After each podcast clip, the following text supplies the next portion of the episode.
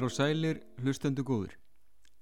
Ég heiti Björn Jón Bragason og þetta er lögfræði hljóðvarpið á útvarpi Merkur. Í þessum fymta þætti mun ég fjalla um neytendavernd.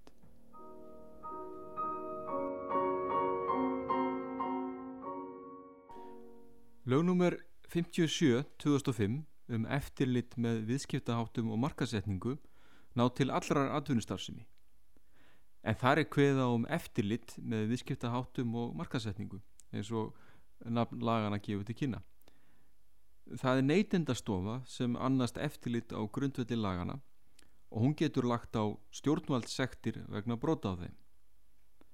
En neytendastofa annast einning ímis önnur stjórnsýslu verkefni á sviði neytendamála vöru öryggismála opinberar markaðskeslu mælifræði og ramags öryggismála Einstaklingar og lögæðilar geta borið upp erendi til neytendastofu telli þeir broti gegn lögum á þessu sviði. Neytendastofa metur ábendingar sem henni berast og grýpur eftir aðtökum til þeirra úrraða sem hún hefur en hún getur líka bett úrraðum að eigin frumkvæði. Mál sem neytendastofa tekur fyrir hefjast yfirleitt vegna einsendra kvartana tíðast á grundvelli kvartana fyrirtækja vegna hegðunar keppinauta á markaði.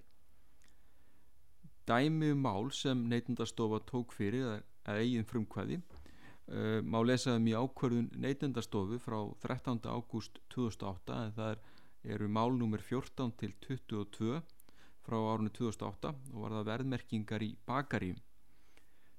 Þar voru lagðar stjórnvaldsektir á nýju bakarí sem ekki höfðu farið að tilmælum stofnunarinnar um að koma verðmerkingum sínum í viðunandi horf. Sektirnar námu 100.000 krónum í sjö tilvikum en 200.000 krónum í einu tilviki. Áfríðuna nefnd neytendamála feldi fimm þessara úrskurður gildi þar sem andmálaréttar hafði ekki verið nægilega gætt. Ekki tókst að sína fram á að kærendum hefði borist upplýsingar um málsmeðferðina og sá afi var tólkar þeim í hag.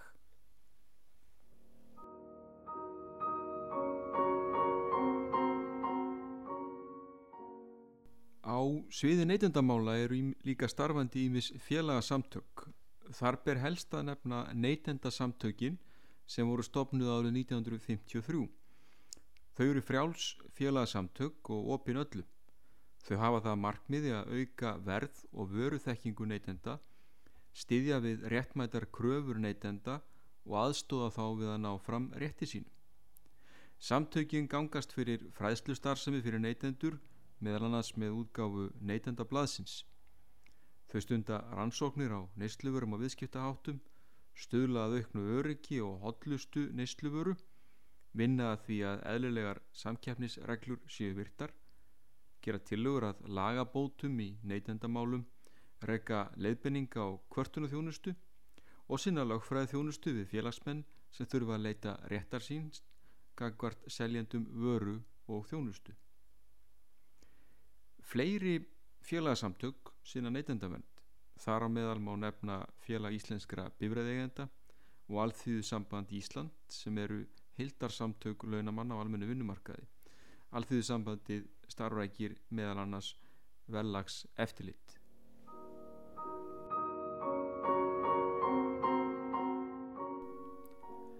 Traust neytenda er líkilatriði til að ná árangri í viðskiptum á neytendamarkaði. Komið upp ágreiningur millir neytenda og seljenda er varða samningsbundna skildu sem rýsa af sölu eða þjónustu samningi skipti miklu máli að neytendur hafi aðgangað einföldum, skilvirkum, hraðvirkum og ódýrum leiðum til að leysa á ágreiningnum án þess að þurfa að leita til domstóla. Eh, með lögum um úrskurðar aðila á sviði neytendamála nr. 81 frá 2019 sem tóku gildi 1. janúar 2020 er hveð á um að ráð þeirra skipi kærunemt vöru og þjónustu kaupa. Neytendur geta óskað eftir úrskurði kærunemdarinnar vegna ágrennings sem rýs af sölu eða þjónustu samningi. Heimasíða kærunemdarinnar er kvfth.is Þar er hægt að nálgast allar upplýsingar um símatíma, málsmeðferð og störf nefndarinnar. Forveri þessara nefndar hétt kæra nefnd lausafjár og þjónustukaupa en hún hefur nú verið lögð niður.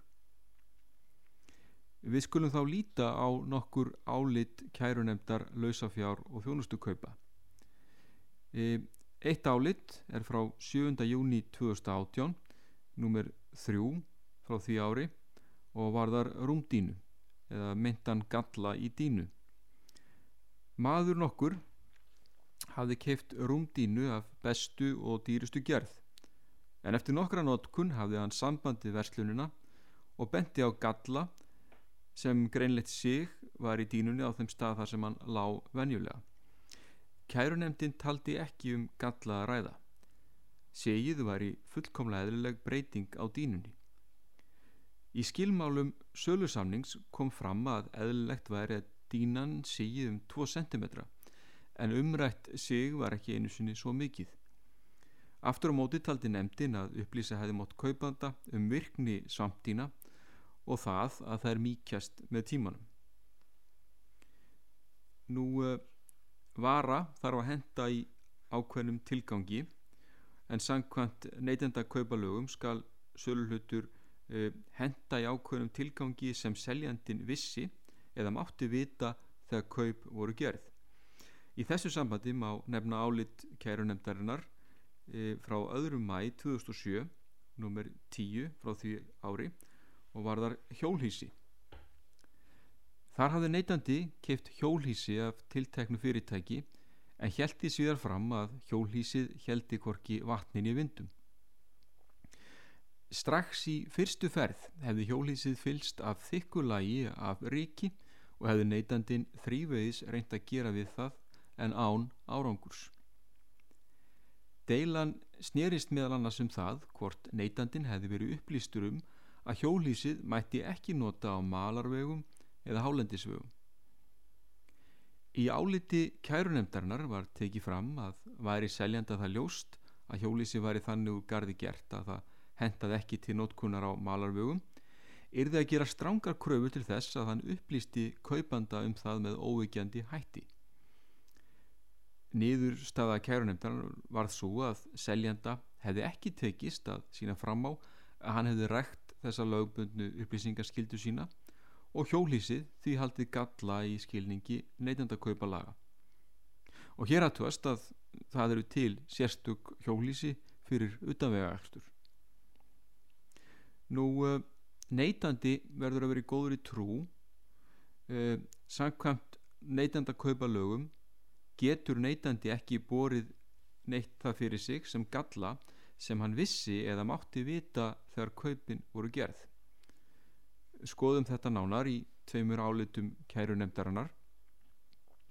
Fyrra álitið er frá öðrum mæ 2007, það er númer 11 það ár. Það var þar hleðslutæki. Neytandi hafði keift tölvu en síðar kom í ljós að hleðslutæki var bilað og fekk hann því nýtt hlæðslutæki hjá seljanda. Neitandin held í fram að setna hlæðslutækið hefði bilað eftir ársnótkun en seljandi hefði ekki viljað láta sér fá nýtt í staðin þar sem að teldi að bilunin stafaði af rángri nótkun tækisins. Við skoðun á hlæðslutækinu kom í ljós að Ramax hlæðslan frá því til tölvunar var slitinn og einangrunnar brotinn og í sundur og einum stað þannig að sást í ramagsvíra. Kærunemdin taldi að ástæða þessa væri svo að leiðslunni hefði verið vafið svo þétt um tækið að hún hefði skemst við það. Bílunin hefði því tilkomið við nótkun og seljandi bæri því enga ábyrð. E, annað álit frá sama degi e, var þar háaða frá tölvu en neytandi hafði keift tölvu sem hann taldi gallaða þar sem háaði væri í viftu hennar. Hann fór með tölvuna til seljanda þegar rúmt ár var liðið frá kaupunum. Viðgerða menn seljanda sögðust þá hafa komið auga á að í tölvuna vantaði skrúfur og hún hefði ekki verið rétt sett saman heldur þvinguð. Talið var að neytandin hefði ekki sannað að tölvan hefði verið seltónum í þessu ásíkomulagi eða að um galla hafi verið að ræða á tölfunni og kröfum neytandans var því hafnað.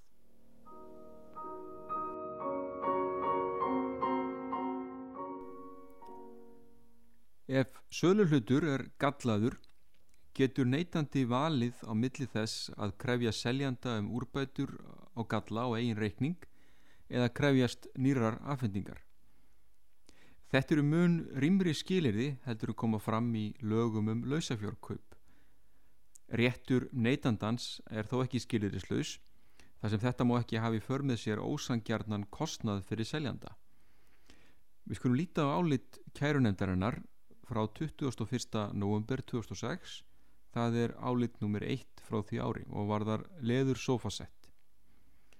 Neytundur hafðu kipt leður sofasett en við nótkunn þess komu fram ljósir blettir á leðrinu sem voru taldir gallar í skilningi neytandakaupalaga.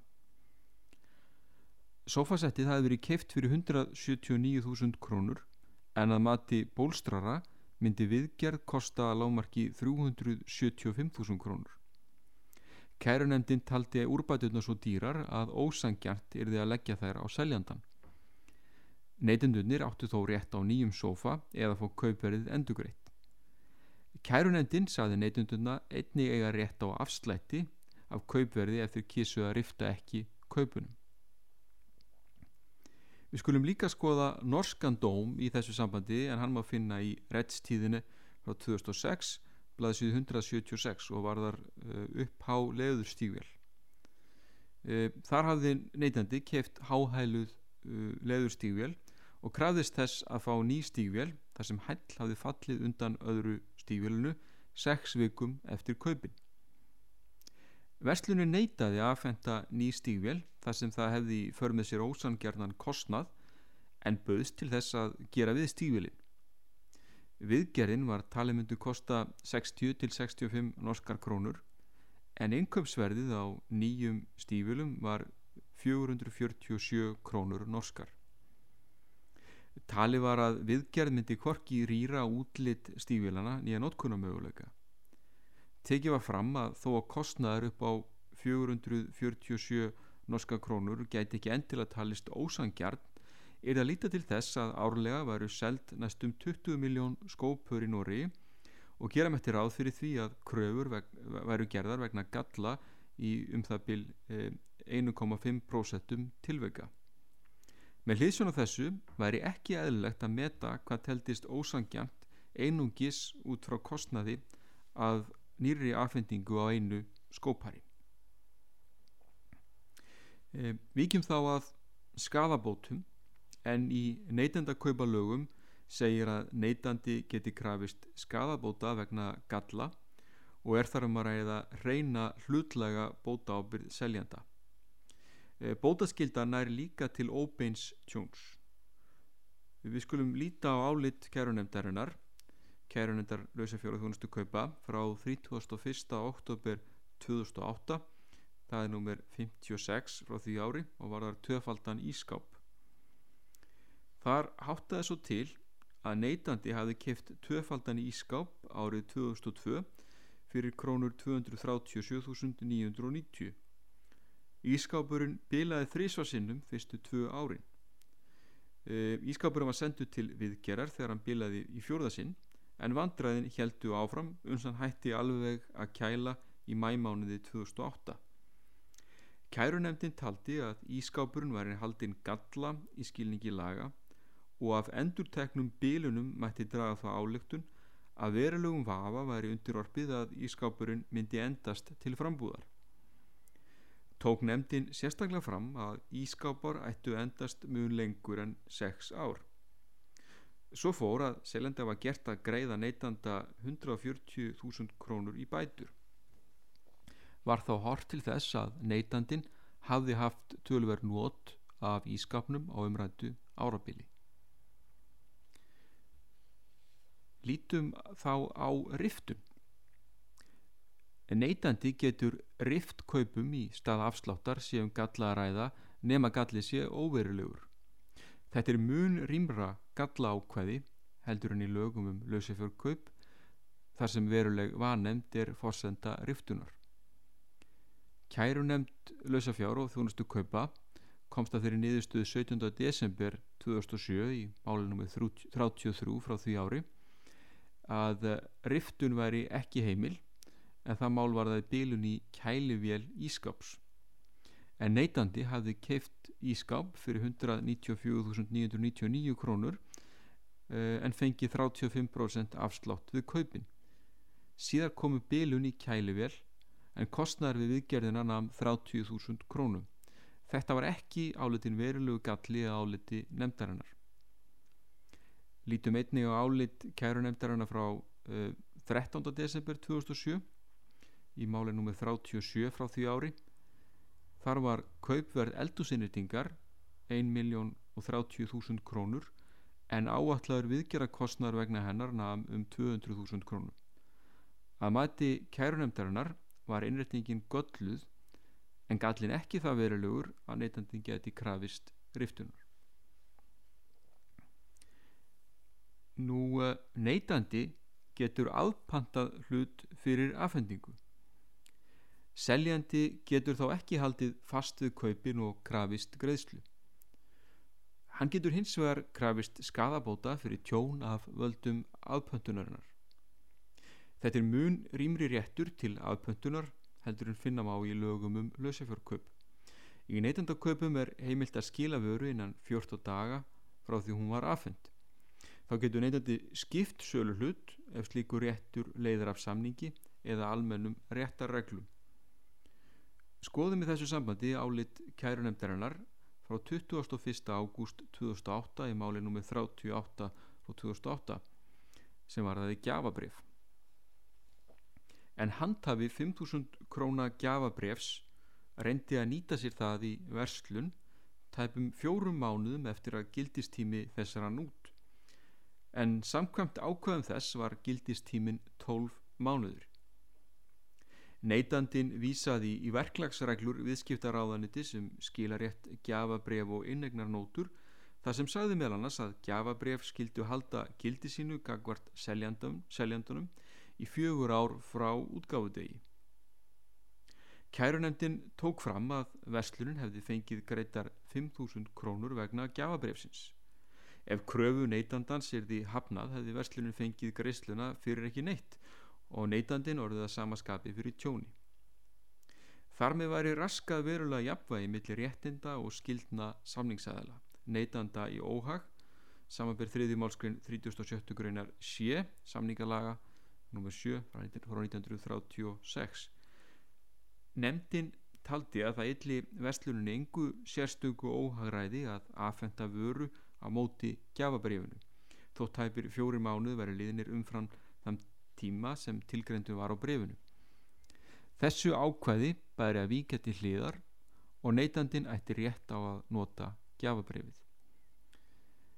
Um, þá skulum við víkjað verðmerkingum en fyrirtæki sem selur vöru og þjónustu til neytanda skal merkja vöru sína og þjónustu með verði eða sína það á svo ábyrjandi hátt á sölustanum að auðvelt sé fyrir neytendur að sjá það.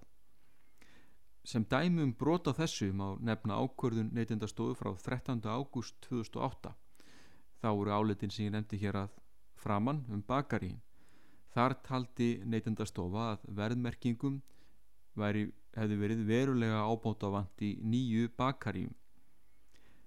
Skilt er að gefa upp verðvöru á hverja viðurkenda mælieiningu á grundvelli regluna um mæli einingaverð nummer 184 frá 2000 e, með mæli einingaverði er átt við endalegt verð fyrir lítra ef vara er seld eftir rúmáli kilogrammi ef vara er seld með við þyngd. Metra ef vara er seld með við lengt og fermetra ef miða er við flatarmól Mæleiningaverðið skal gefið upp með við netto innihald, það er varan að frádregnum umbúðum. Þegar matvæl er í vögva skal mæleininga verðið gefið upp með að við þyngd í förstu formi og það er án vögvans. Reglur um mæleiningaverð gilda ekki þegar það þjónar ekki tilgangi svo, svo sem þegar vara er seld í stekjatali. Dæmi um það er salernispappir, servjöttur og margt fleira.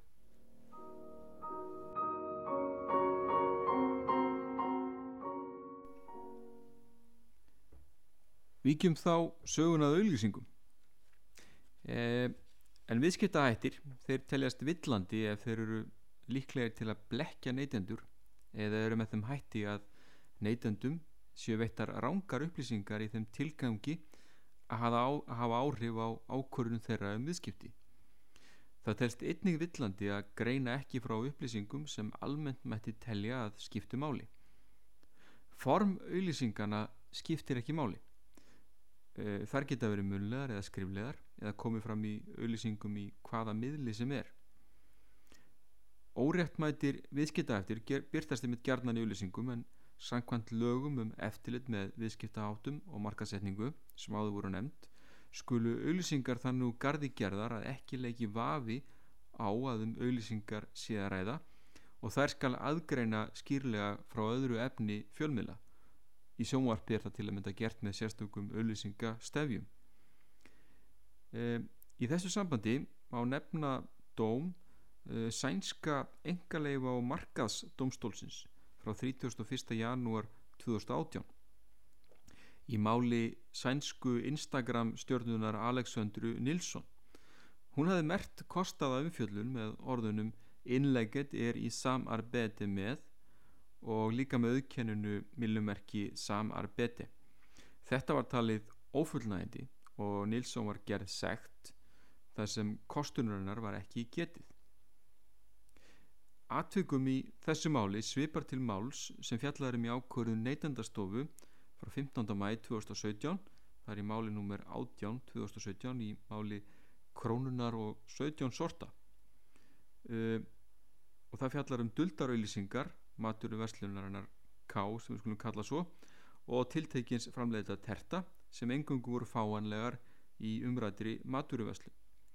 Svo kallaðar áhrifavaldar á samfélagsmiðlum samfélagsmiðlunum Instagram hafðu tíundað ágæti umrættra vara og notuðust við millumerki og síðan nöfn verslunarnar K og framleiðenda tertana sem umrætti. Aftur á móti voru fæslutnar á Instagram ekki mertar sem auðlýsingar eða mertar með öðrum skýrum hætti eða með öðrum skýrum hætti gefið til kynna að um auðlýsingar væri að ræða. Bæði fyrirtækin voru með þessu talin hafa brotið gegn eh, áðurnefndum lögum um eftirlit með markasetningu eh, en það er lagt bann við duldum auglýsingum. Auglýsendur þurfa að geta fært sönnur og allar staðhafingar sem framkoma í auglýsingum. Ef á þessu verður misbrestur getur neytendastofa lagt að fyrirtækjum að breyta auglýsingum eða hreinlega bannað byrtingu þeirra og sektað fyrirtækin ef sakir eru miklar. Í ákvörðu neytendastofu frá 21. desember 2018, uh, það er ákvörðu nr. 45 frá 2018, þarf að komast að þeirri niður stöðu að banna nokkra auðlýsingar á innlendu grænmiti og ávöxtum. Í auðlýsingurum sáust viðskiptafinnir ganga með verslanir, taka upp grænmiti eða ávöxt sem ástóð imported eða innflutt. Leggja uh, græmitið upp að eira sér til að mynda leggur kona agurku upp að eira sér og þá heyrist hljóð í líkingu við það þegar sturtaði niður í salerni. Viðskiptavinninni letu síðan sem þeir fyndu ólíkt. Þegar íslenskt grænmiti og íslenskir ávextir voru teknir upp heyrðist aftur á móti ljúf tónlist og þá var lesin upp eftirfarandi texti grænmiti sem ber merkið okkar er að rækta með reynu íslensku vatni Hvaða vatn fer í gegnum grænmetið þitt? Íslensk grænmeti, þú veist hvaða kemur. Neytendastofa taldi þessi skilabóð villandi og lítilsverðandi í garð keppinauta á markaði. Frekar í byrtingu auðlýsingana var bönnuð og auðlýsanda gert að fjarlæga hana þar sem henni hafi verið komið á framfæri. Annað dæmi er af svipum toga er í ákvörðun neytendastofu frá 29. mæ 2018 að er álit nr. 35 2018 og fjallar um orkudrykkin RIPT eh, þar var deilt um fullirðingar í auðlýsingu en í auðlýsingum fyrir umrættan orkudrykk saði meir annars og tilvötnun hefst Koffein eigur orku og einbyttingu Karnatín flytur fytu inn í frumur líkamanns til auðveldara sé að brenna henni sem orku. Rannsóknir sína að karnatín er sérlega áhrifaríkt við að brenna kviðfyttu. Flýtir einnig endurheimtum eh, eða recovery eftir æfingar. Fleiri kostir. 1. Eigur úttalt. 2. Örvar fyttubrenslu. 3. Fyrirbyggir vöðaniðubrott. 4. Heldur jafnvægi á blóðsigri. 5. Hefur jákvæð áhrif og einbetting á minni. Grænt T. Eigur grunnbrenslu líkamanns ásamt því að vera vasslósandi. Fleiri kostir. 1. Öflugt andóksunarefni. 2 styrkir hjarta og æðakerfi 3. styrkir ónæmiskerfið og mingar líkur á flensu beta-alanín eigur úttald og styrk fleiri kostir 1. blokkar af mjölkusýrur 2. mingar vöðafrættu 3. flýtir endurheimtum recovery eftir reyfingu tilvitnu líkur síðan sagði að orkudrykkurinn væri orðin söluhæsti drykkurinn á landinu Neytendastofa gerði kröfu til þess að F, innflytjandi umræts orkudrykks legði fram gögg sem ferðu sönnur á áður nefndar fulleringar. Þau gögg bárust ekki og því bannaði neytendastofa umrættar auðlýsingar. E, í ákvörðun samkeppnisráðs frá 10. mars 2004 tek fram að samkeppnisráðurinn er ekki til lengur. Það, þetta er, þetta er ákvörðun e, í málunum 3 frá því ári. E, þar var tekið til umfjöldunar hefði kunna vígorð matur verslunarinnar hagköps þar sem Íslandingum fyrst skemmtilegast að versla. Samkjöfnisráð komst að þeirri niðurstöðu að verslun hefði ekki brotið gegn, samkjöfnislögum með slagorðinu. Talið var að verslunin hefði sett slagorði fram með nokkrum rökum og að aðtúðu máli en eftir að auðlýsingarnar byrtust var gerð skoðanakönnun sem síndi að verslunin nýtti ákveðinar sérstuði hjá neytundum sem laut að efni slagórsins. Í eh, neytendakaupum er ákveða þess efnis að svari sölulhutur ekki til upplýsinga við markasetningu og sölu teljist að galli. Dæmi um beitingu þessa ákveðis má finna í áliti kærunemdar lausafjár á þjónustukaupa frá 30. mars 2007, það er álit nummer 6 frá sama ári og var þar marg skipt glerugu. Neitandi hafði frett af tilbúðu glerugnuverslunar sem auglisti að við kaup á glerugum fylgdu önnur frýtt. Neitandi keifti í versluninni glerugu með marg skiptum glerjum vegna fjarsíni, nærsíni og sjónskekju og fekk ég að framt auka glerugu en síðar kom í ljós að glerin í þeim voru einungis með fjarsýnis styrkleika en ekki margskipt eins og hinn. Neitandin taldi að hann hefði átt að fá auka glerugu með margskiptum glerjum. Kærunemdin tók fram í áliti sínu að ekki hefði verið upplýst hvar neitandin hefði fengið þar upplýsingar að við kaupa á einum glerugum fylgdu önnur frýtt en í auðlýsingum verslunarinnar hefði komið skýrt fram að við kaupa á glerugum fylgdu gler með fjarsýnis styrkleika. Þess vegna var ekki fallist á kröfu neytandans. Nú, uh, sérstök ákveðir að finna í lögum sem miða því að vernda börn og unglinga, sérstaklega fyrir efni auðlýsinga, engum með tilliti til trúgýrni þeirra.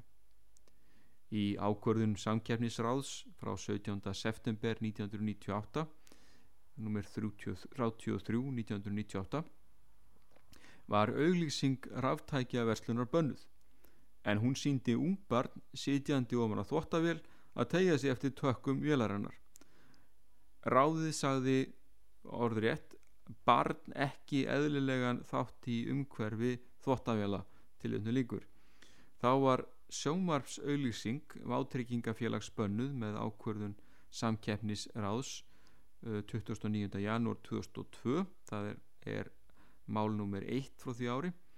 En hún síndi ungt barn að leik við opinn glugga án þess að nokkur væri nálagt til þess að gæta þess og barnið datt síðan út um gluggan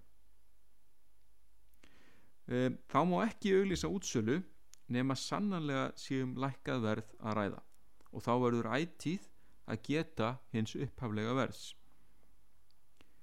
í ákverðun neytendastofu frá 12. februar 2009 það er málnúmer 2 frá því ári voru lagðar stjórnvaldssektir á vestlununa Há sem hafði meðalans haft tilteknar vörur á útsölu í meira en 6 vikur en að afloknum sex vikum það verð, var það verð orðið uh, vennilegt verð hins vegar hafði vestlunum vísa til, til uh, tiltekins fyrra verðs sem vörurnar hafði aldrei verið seldar fyrir á útsölu þetta var hvortveikja talið ólögumætt